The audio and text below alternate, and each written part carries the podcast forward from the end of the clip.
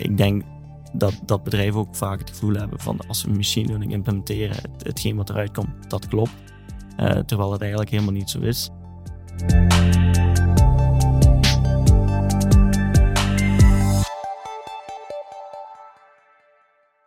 Hoi, welkom op deze Slimcast over machine learning. Ik ben Olivier Germijn, verkoper bij Slimstock België. Niet zo heel ver verleden, ehm, toen ik dat nog echt moest werken, dan uh, zat ik ook in uh, enkele operationele taken in de supply chain, eerder aan de commerciële kant als aankoper, ook een tijdje als implementatieconsultant. De, de rode draad ergens doorheen mijn carrière is altijd geweest om de juiste data te vinden, om de juiste beslissingen te maken. En waar ik aan het begin van mijn carrière heel erg weinig data had, hebben we nu vandaag de dag echt een overload aan, eh, aan data die, die soms moeilijk te behappen is. Nu, als ik over een vakbeurs loop, dan denk ik dat ik intussen wel het ei van Columbus heb uh, gevonden. Machine learning gaat al mijn problemen oplossen. Dat is toch hoe dat, uh, hoe dat lijkt. De vraag is alleen hoe. Daarom heb ik mijn collega Steven Pauli uitgenodigd. Dankjewel, Steven, om uh, hier aanwezig te zijn en mee te gaan in onze Slimcast-ideeën. Geen probleem. Steven is de eerste apostel, of een van de eerste apostelen van machine learning binnen Slimstock. Um, ja, misschien binnen Slimstock wel. Um, toch, uh, als ik me goed herinner, uh, vijf, zes jaar geleden, dat ik, dat ik ook erg geïnteresseerd werd in machine learning. Um, dus ik wilde ook weten wat het, wat het doet, wat het kon. En vooral ook om te kijken wat wij er zouden mee moeten kunnen binnen voorraadbeheer. En zodoende, je zag, ik zag eigenlijk redelijk snel dat dat het ook binnen ons vakgebied een, een meerwaarde kon zijn. Um, dus ja, zodoende ben ik, uh, ben ik daar wat, uh, wat, wat verder ingedoken. Um, en ook binnen ja, de, de mensen van uh, binnen Slimstok die overtuigd moesten worden, proberen te overtuigen um, om, om daar verder mee te gaan. Ja, ja, als een van de early adopters. En denk dat je waarschijnlijk moest beginnen, en, en dat was voor mij hetzelfde, om het concept uit te leggen. Want wat is machine learning eigenlijk? Ik had totaal geen idee toen dat jij het mij uitlegde. Uh. Ja, ik denk dat je verschillende definities kan vinden. Um, het is in principe, uh, als je kijkt naar machine learning, het is eigenlijk een, een soort van studie van, van algoritmen die kunnen leren van data. En kunnen leren van data is dan ja, eigenlijk het, uh, het zoeken naar patronen, verbanden in data. Om bepaalde taken, specifieke taken uit te voeren. Uh, en dus natuurlijk zonder voorgeprogrammeerde, voor, zonder voorgeprogrammeerde logica. Uh, dat is het, het, ja, het, het key concept van, van machine learning. Is dat dan het verschil met statistiek? Um, wel, ik denk, als je, als je kijkt achterliggend naar uh, machine learning en naar die algoritmes. Ze gebruiken natuurlijk statistische concepten. Dus daar vertrekken we eigenlijk van. Um, het is vooral een, een, een verhaal van, uh, van schaalbaarheid. Um, ja, als je een, een, een aantal uh, of een paar, laten we zeggen, externe of, of factoren of variabelen hebt en je wilt er iets over kunnen zeggen, um, dan kan statistiek eigenlijk wel genoeg zijn. Maar wil je dat optrekken? Of wil je, die, ja, wil je dat opschalen? Wil je dat gaan opschalen waarbij je met enorm veel data zit en enorm veel variabelen zit? Ja, dan, uh, dan is machine learning, dat is eigenlijk de kracht van machine learning. Um, dat zij dat heel efficiënt, dat ze daar heel efficiënt patronen en verbanden uit kunnen halen. Um, dus, dus het machine learning is een, een soort van, uh, ze zeggen altijd dat het een statistics on steroids verhaal is. Dus dat, uh, ja, dus er is wel een dunne, dunne lijn tussen de twee. Maar er zit wel, uh, wel een verschil natuurlijk. en als je dan, we noemen er patronen. Als ik, als ik patronen hoor, dan, dan denk ik vrij snel aan, aan forecasting. Dat is ook zo'n onderwerp. Als je over machine learning begint, uh, drie of zelfs twee stappen verder, dan, dan ben je over forecasting bezig. Is, is ja. datgene waar we ons heil moeten in gaan zoeken in machine learning enhanced forecasting? Is dat de grote meerwaarde? Um, ja, ik denk sowieso dat de, de, het grootste aantal use cases van machine learning binnen ons vakgebied haal je uit, uh, uit forecasting. En dat komt met name omdat, uh, um, ja, als je kijkt naar afzet uh, bij bedrijven, dat wordt natuurlijk heel erg gestuurd door, door allerlei externe factoren. Um, en, en forecasting is natuurlijk in de, een spelletje van verbanden zoeken en dat proberen te extrapoleren. En als je kijkt naar, naar de traditionele technieken die altijd werden gebruikt, ja, dat, dat was eigenlijk meer een, een blackbox verhaal in die zin dat ze eigenlijk keken naar de afzet als een soort van blackbox. Uh, en eigenlijk zeiden van oké, ehm, in die afzet, daar zit, uh, daar zit eventueel een trend, daar zit eventueel een seizoen, eventueel een combinatie van beide. Mhm. Uh, en we gaan daar op zoek, we gaan naar die patronen op zoek en we gaan dat extrapoleren zonder eigenlijk ons, zonder zich eigenlijk af te vragen van ja, maar waarom zijn die variaties zoals ze zijn? Um, en dan kom je eigenlijk bij machine learning technieken tegenwoordig terecht. Die gaan, die gaan meer, ze noemen dat dan regressietechnieken uh, of meer het regressieprincipe toepassen, waarbij ze tussen allerlei variabelen um, verbanden gaan zoeken. En het feit dat we nu zoveel data hebben en, en nu zoveel, ja, zoveel data kunnen achterhalen van hoe die afzet gestuurd is geweest in de historie, dat maakt natuurlijk super handig om machine learning te gebruiken, want dan kan je natuurlijk veel meer subtielere patronen vinden. Uh, en ja, dan, dan, kan het wel, uh, dan kan het wel zijn dat dat, uh, ja, dat het betere resultaten oplevert. Ja. Gaat dat dan de statistiek volledig vervangen op termijn? Of? Ja, dat, dat denken we niet. Um, natuurlijk, het gaat zo snel, dus je weet, je weet natuurlijk nooit wat we over vijf jaar gaan zeggen. Maar op dit moment um, zou ik dat nog, nog niet direct denken, omdat uh, de implementatie van, van machine. Kijk, machine learning algoritmes zijn enorm afhankelijk van allerlei um, parameters, alle, allerlei knopjes waarin je kan draaien. En ze noemen dat ook wel eens uh, hyperparameters. Um, maar dat zijn enorm veel uh, knopjes waaraan je kan draaien. En dat goed krijgen is toch nog wel een, een, een punt. Je bent ook heel erg afhankelijk van data. En, en een goed voorbeeld is um, de, de, de M-competities die, die jaarlijks gehouden worden. Um, dat zijn competities um, die eigenlijk ontwikkeld zijn door een, uh, een Griekse professor, Makridakis, vandaar de naam uh, M-competities. En daar gaan we eigenlijk, um, ja, daar nemen heel veel deel, alleen daar nemen heel veel mensen aan deel. En de bedoeling is eigenlijk dat je uh, een dataset krijgt en dat je daar zo goed mogelijk op gaat forecasten.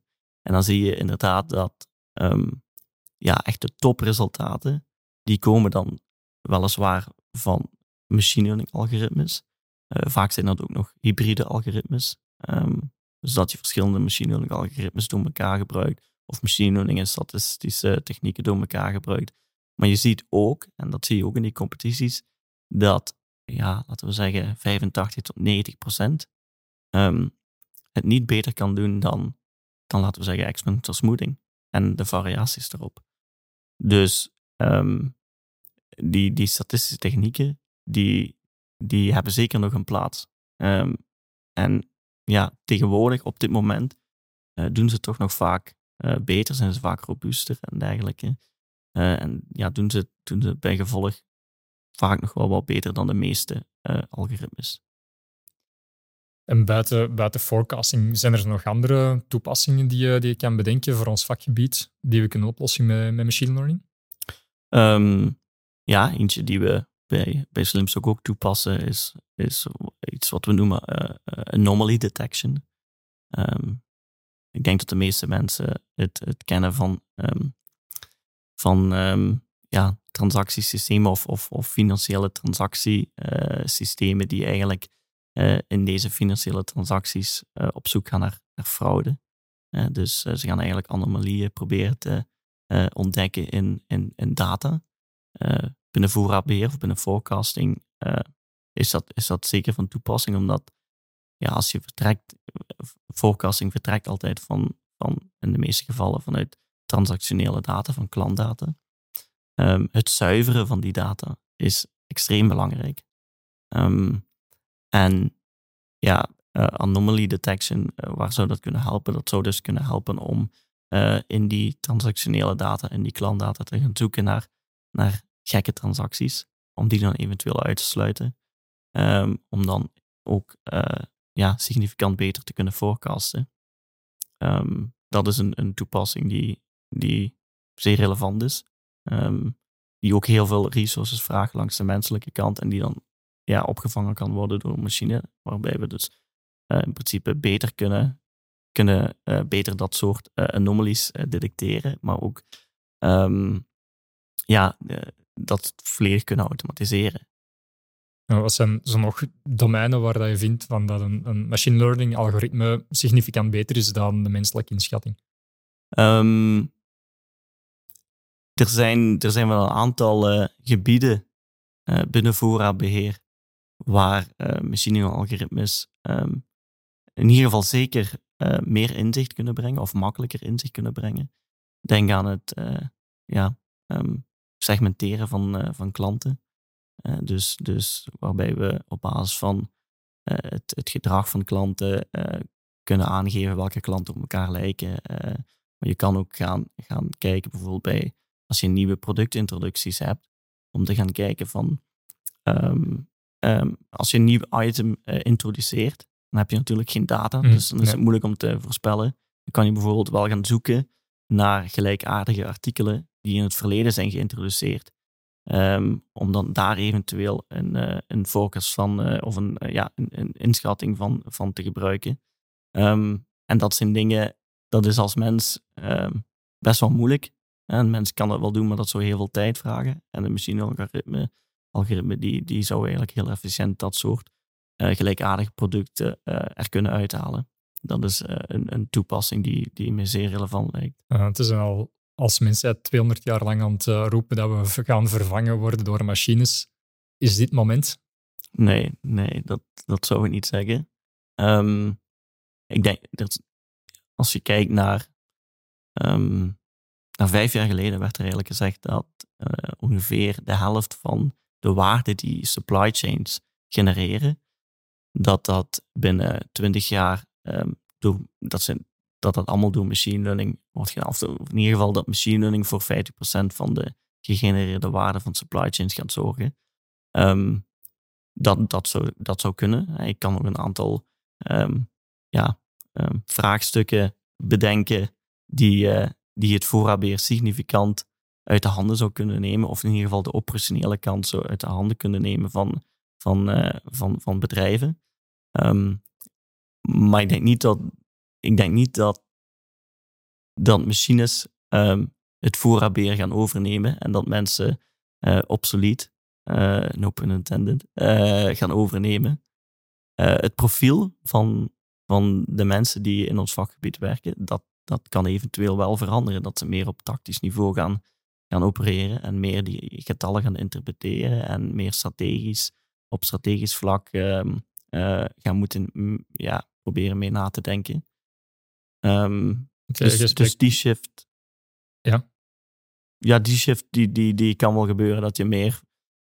Dat het meer een. een het is sowieso een vak waarin, waarin tact, uh, waar op tactisch niveau. Uh, ja, heel veel. Uh, um, te winnen valt. Ja, kan zeker het onderscheid ge, gemaakt worden en, en super interessant.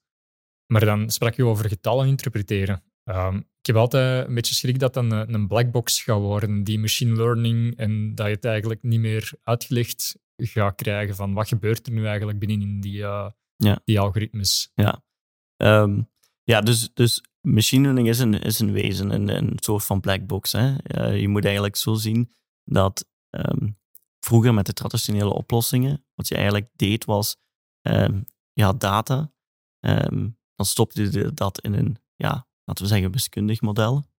Uh, en daar kwam er een antwoord uit. Uh, dat wiskundig model was eigenlijk een soort van blauwdruk van de realiteit. Uh, dus dat was eigenlijk wel inzichtelijk. Een goed voorbeeld is CEOQ. Je weet eigenlijk precies welke data erin gaat. Je weet precies wat eruit komt.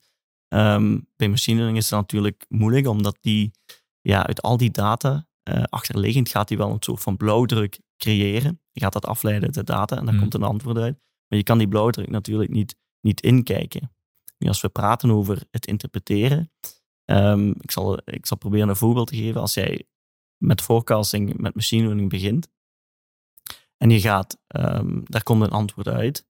Um, wat wel mogelijk is, is kijken naar hoeveel, of wat is de kans dat die machine, het antwoord dat die geeft, dat het een goed antwoord is. En dat kan omdat we, we, zijn, ja, we vertrekken vanuit data. Dus als wij zien dat wij een voorspelling moeten maken waarbij onze inputdata eigenlijk niet goed was, waarbij de data ontbrak, uh, dan kunnen we eigenlijk al op voorhand zeggen van de, hier, ja, de kans is groot dat hier een antwoord uitkomt dat niet echt uh, goed gaat zijn.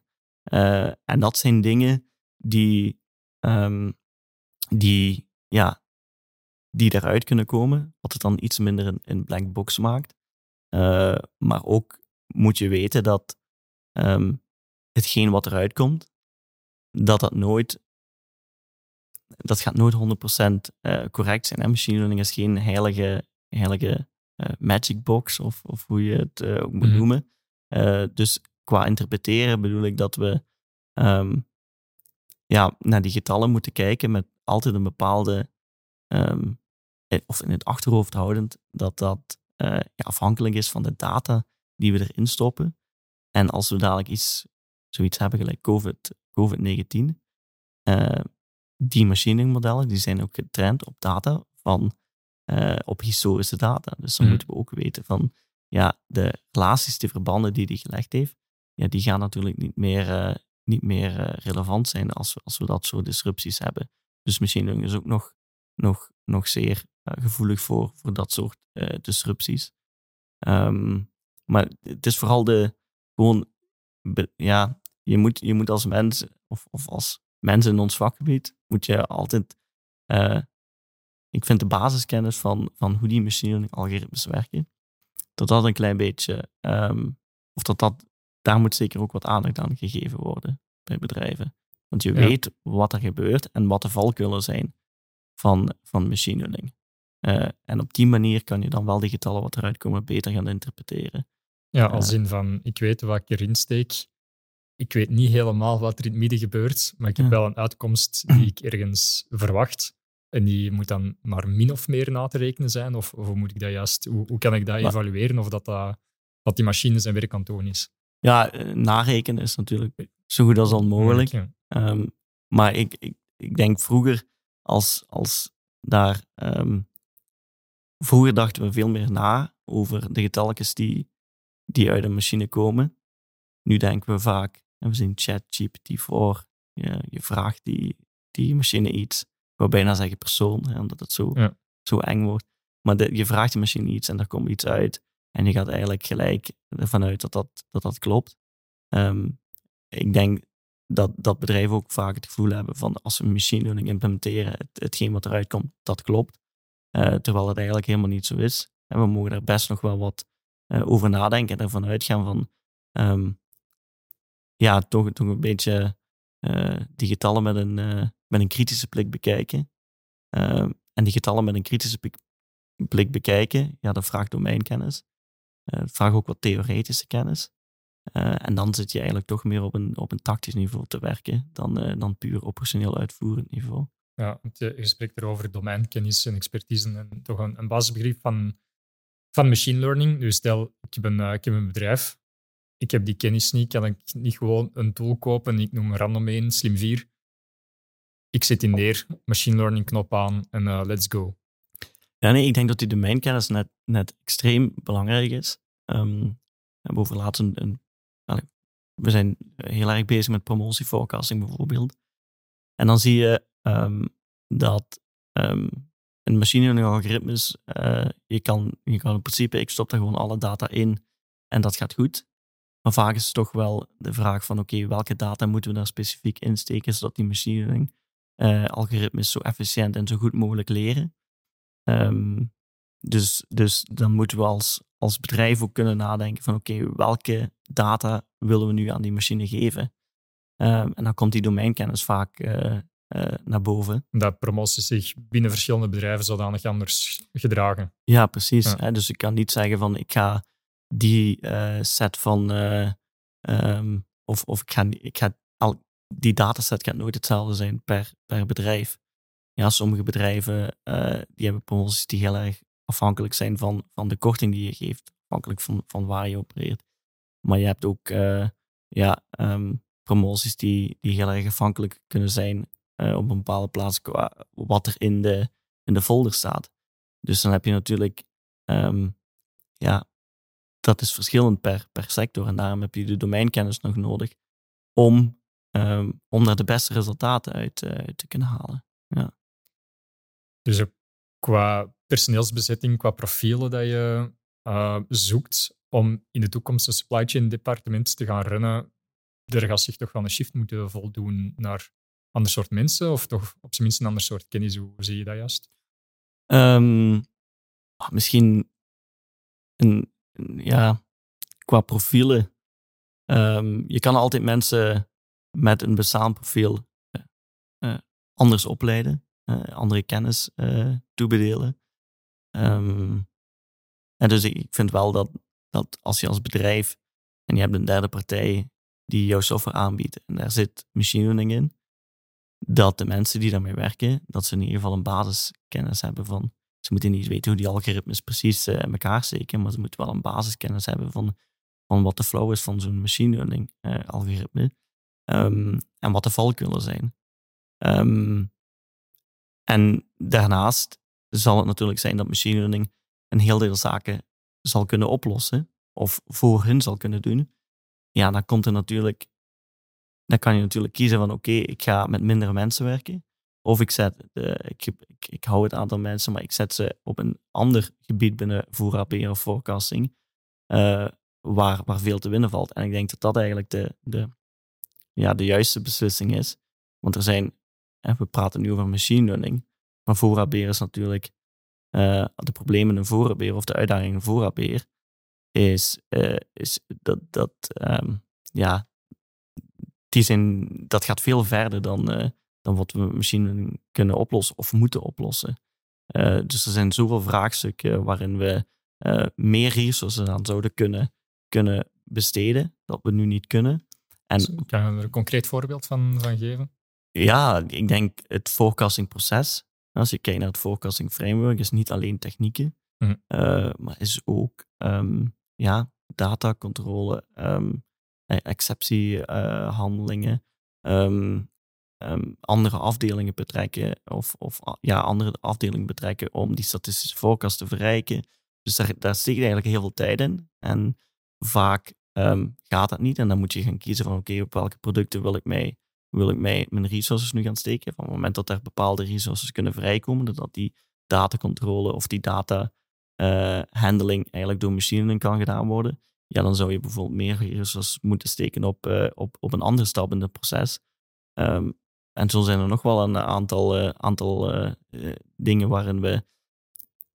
het belangrijkste is dat, je, dat, dat we niet mogen denken of dat we niet ervan uit moeten gaan dat we met minder mensen dadelijk hetzelfde werk kunnen gaan doen. Maar we kunnen wel met, met evenveel mensen slimmer of, of beter, beter werk gaan doen. Of werk doen waar, waar waar het grootste voordeel zit of waar je het meeste winst uithaalt. Ja, zou ik dan een perfect bruggetje naar sales en operations planning kunnen, kunnen maken. Dat is misschien voor een andere slimcast. Um, misschien als afsluitende vraag. Waar gaat machine learning over tien jaar volgens jou staan? Waar, wat kunnen we er nog op termijn van verwachten? Binnen ons vakgebied? Binnen ons vakgebied, ja. Want buiten ons vakgebied weet ik eigenlijk niet uh, waar het gaat eindigen. Um, nu binnen, binnen ons vakgebied um, je ziet ook al, eh, in het begin werd er eigenlijk heel snel geroepen van machine learning gaat, gaat alles kunnen doen wat we nu, wat we nu uh, uh, ja, wat we altijd anders hebben. Alleen hoe we het altijd deden, gaat, gaat met machine learning eigenlijk, of machine learning gaat het helemaal overnemen. Dat is ook niet het geval geweest. Je ziet heel duidelijk dat er een bepaalde um, ja, overlap zit tussen het vak machine learning en voorraadbeheer. Dus er zijn bepaalde ja, toepassingen die, die zeker door machine learning beter kunnen gedaan worden. Uh, maar er zijn uh, uh, ook, ook heel veel vraagstukken binnen voorraadbeheer die we niet per se met machine moeten aanvallen. Dus ik denk de, de dingen die we, die we nu binnen voorraadbeheer met machine learning doen, um, of kunnen doen, of die voor ons relevant lijken en, en nuttig lijken, dat die maar steeds beter worden. Dan denk ik aan forecasting. Mm. En dat daar, je ziet ook dat, dat jaar, jaar na jaar die technieken beter worden. Um, en dat er meer kennis over komt. Dus de dingen die we nu, nu doen met machine learning, die worden, die worden beter. Uh, en het zal zich vooral binnen het forecastinggebied uh, uh, wat, wat uitbreiden.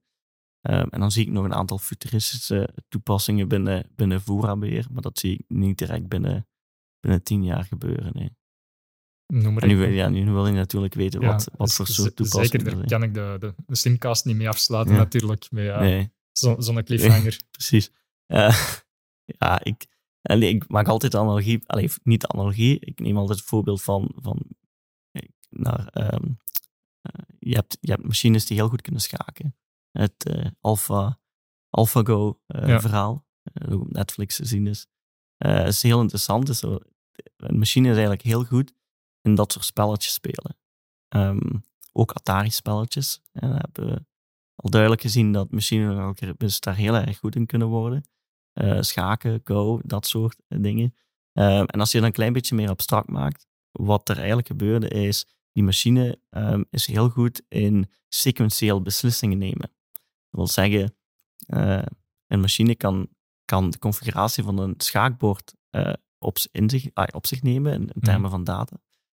En op basis daarvan een optimale beslissing maken met als einddoel natuurlijk te winnen. Nu, als we kijken naar voorbeer en we maken dat ook weer abstract, dan hebben we eigenlijk twee essentiële vragen. Wanneer bestellen we hoeveel bestellen? Dus wat je daar eigenlijk gaat doen is ook dagelijks, sequentieel, ga je uh, bepalen wanneer ga ik bestellen en hoeveel ga ik bestellen.